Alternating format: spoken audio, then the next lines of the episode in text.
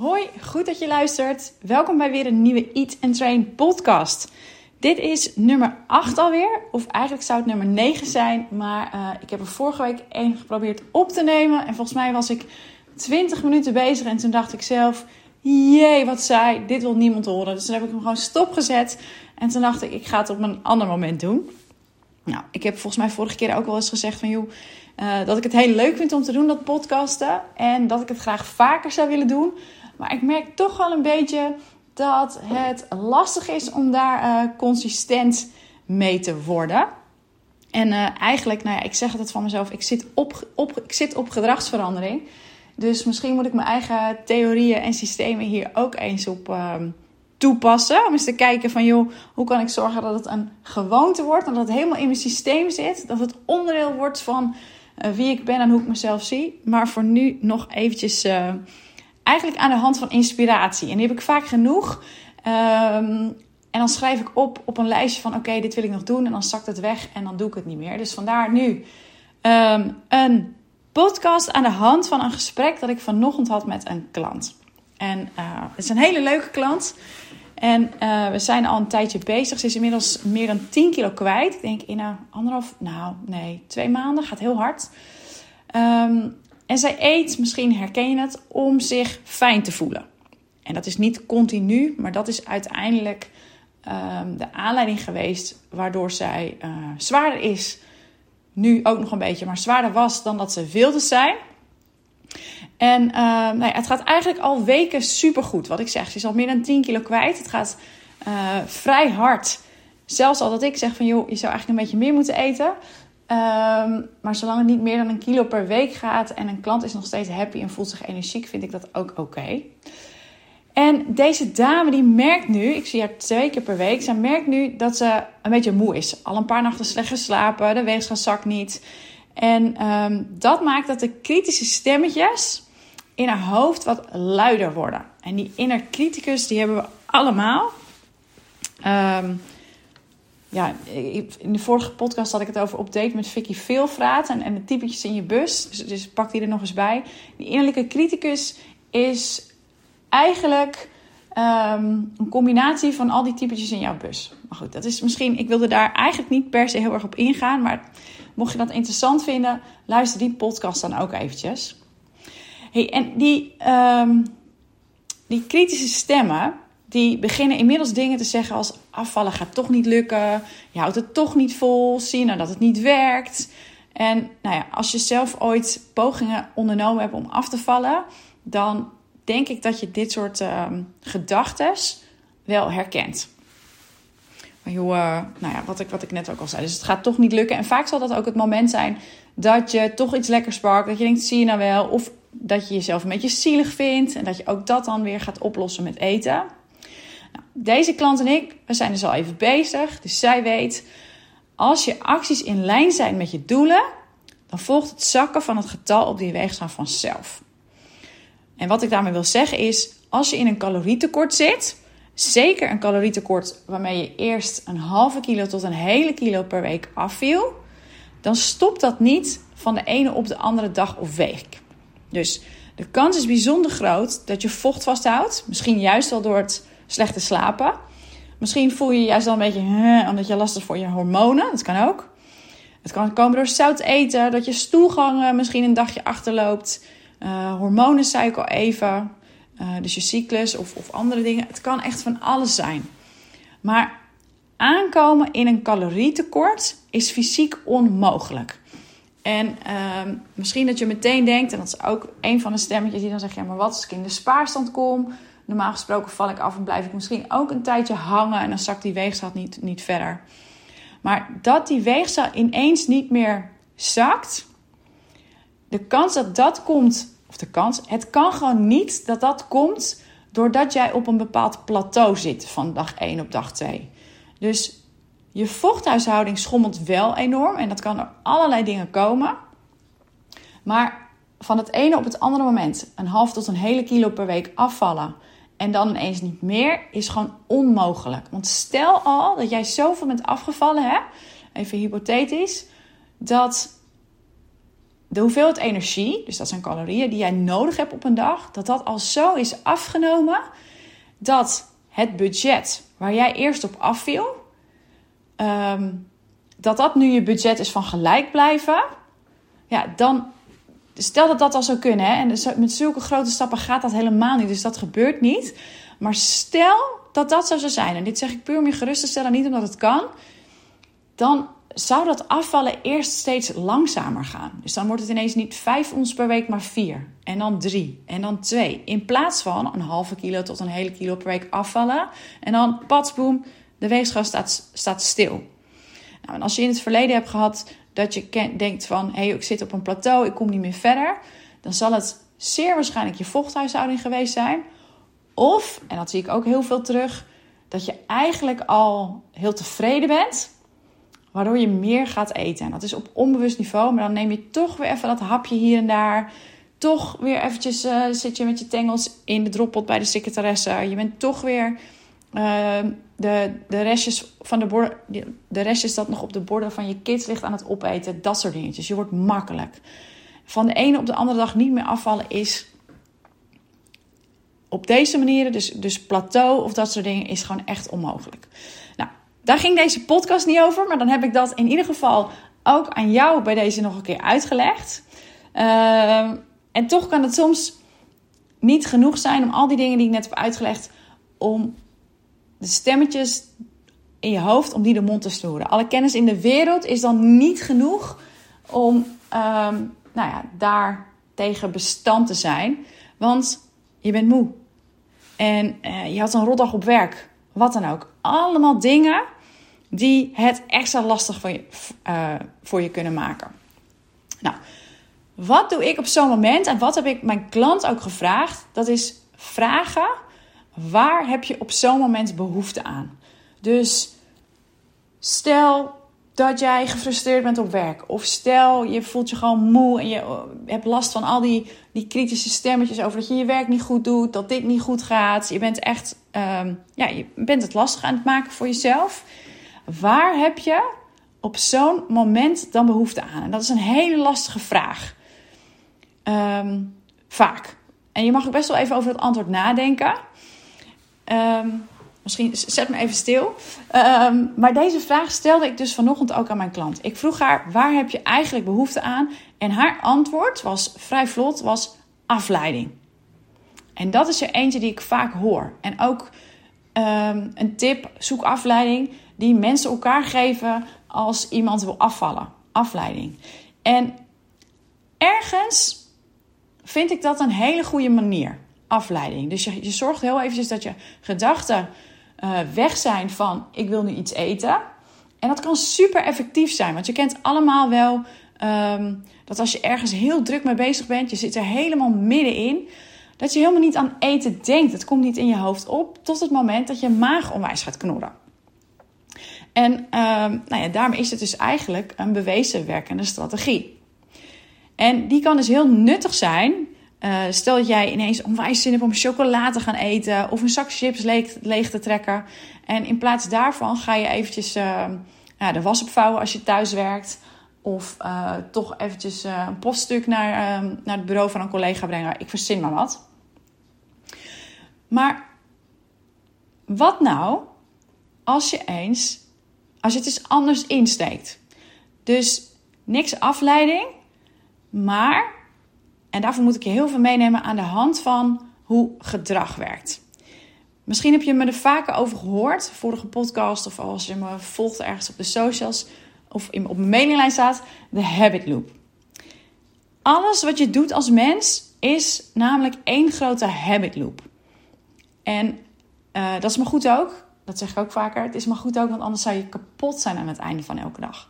Nou, hoor je dit voor het eerst? Wat is een goed voorbeeld? Mijn favoriete voorbeeld altijd is... Uh, stel dat jij binnenkomt, s'avonds, je komt thuis, het is donker en je ziet dus helemaal niks. Wat gebeurt er dan? Dan is de aanleiding dat jij niks ziet. Dat is stap 1. Een habit loop bestaat altijd vier stappen. Stap 1. 2 is het verlangen. Jij wil zien. Drie is de actie, tik. Jij doet zo het licht aan. En vier is de bevrediging dat jij kan zien. Nou, het is dus 1, 2, 3, 4. Ik zie niks, ik wil zien, ik tik het licht aan, ik kan zien. En dat gaat allemaal onbewust. Gelukkig. Dit gaat echt nou ja, van heel veel kleine dingen continu de hele dag door.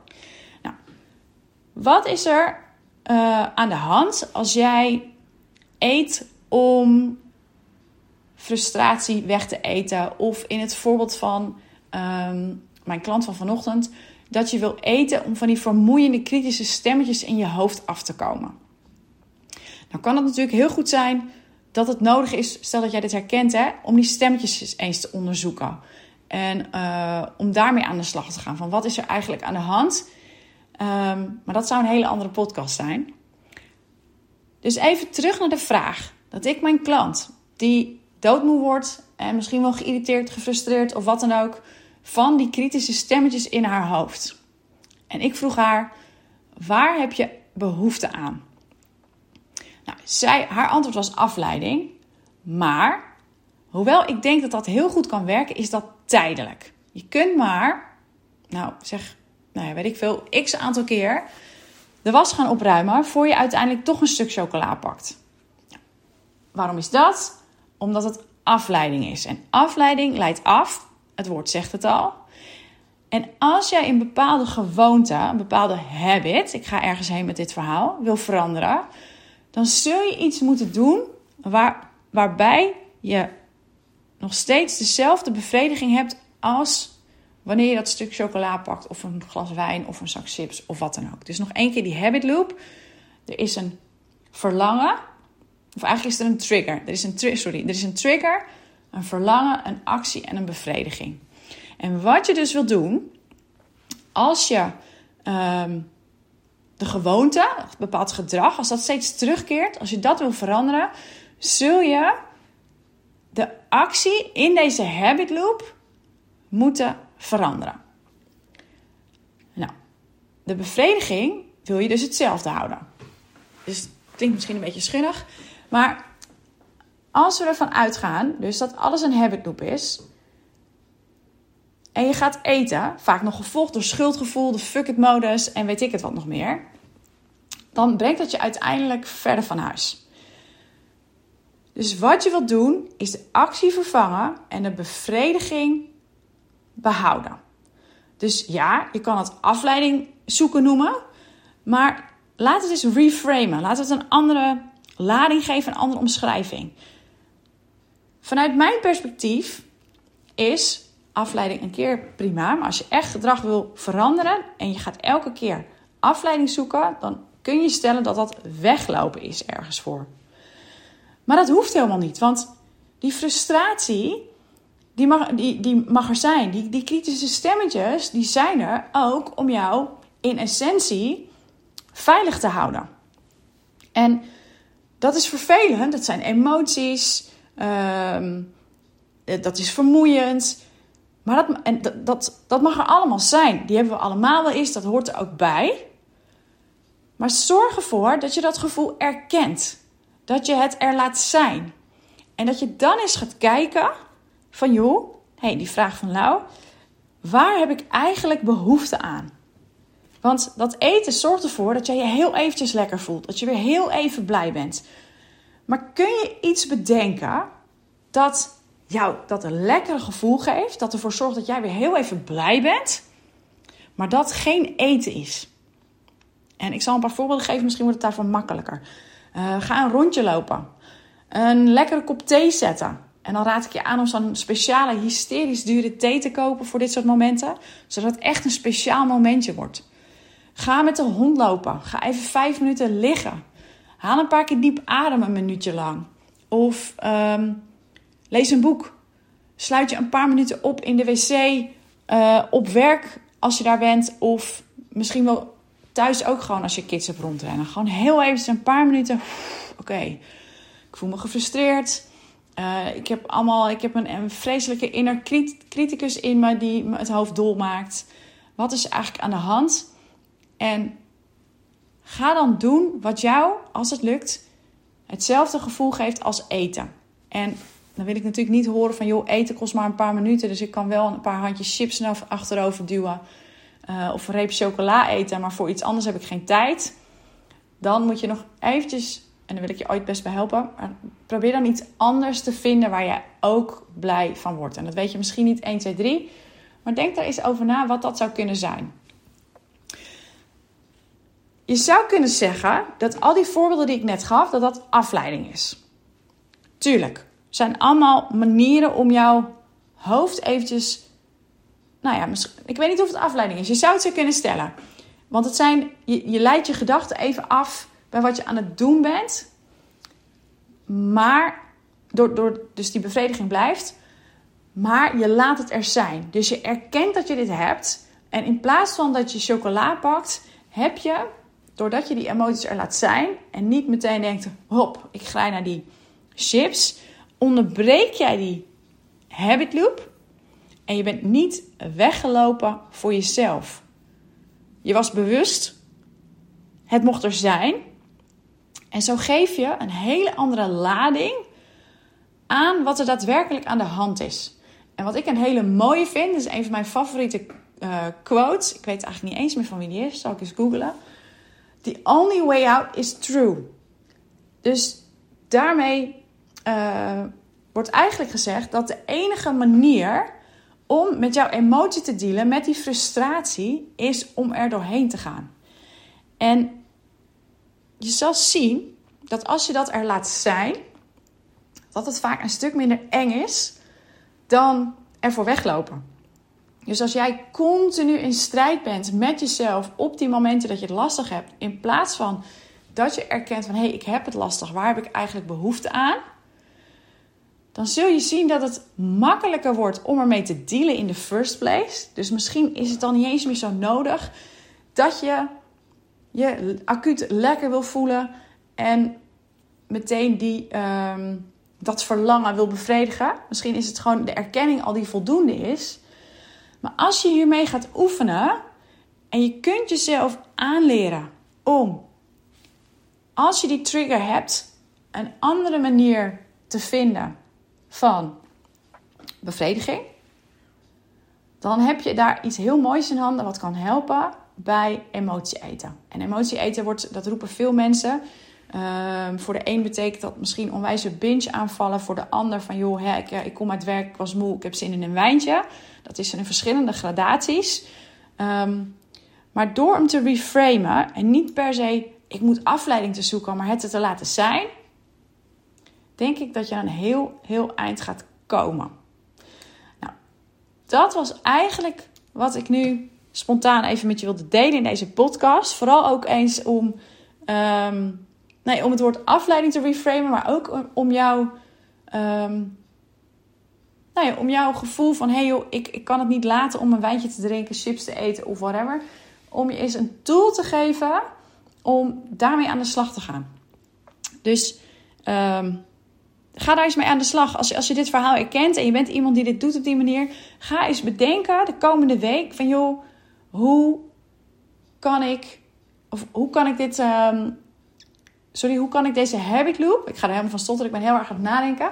Hoe kan ik een andere vorm van een bevrediging voor mezelf vinden als ik de trigger heb van die kritische stemmetjes of dat ik iets wil eten uit werk, et cetera. Het is echt wel uh, een van de waardevolle huiswerkopdrachten die ik mijn klanten meegeef.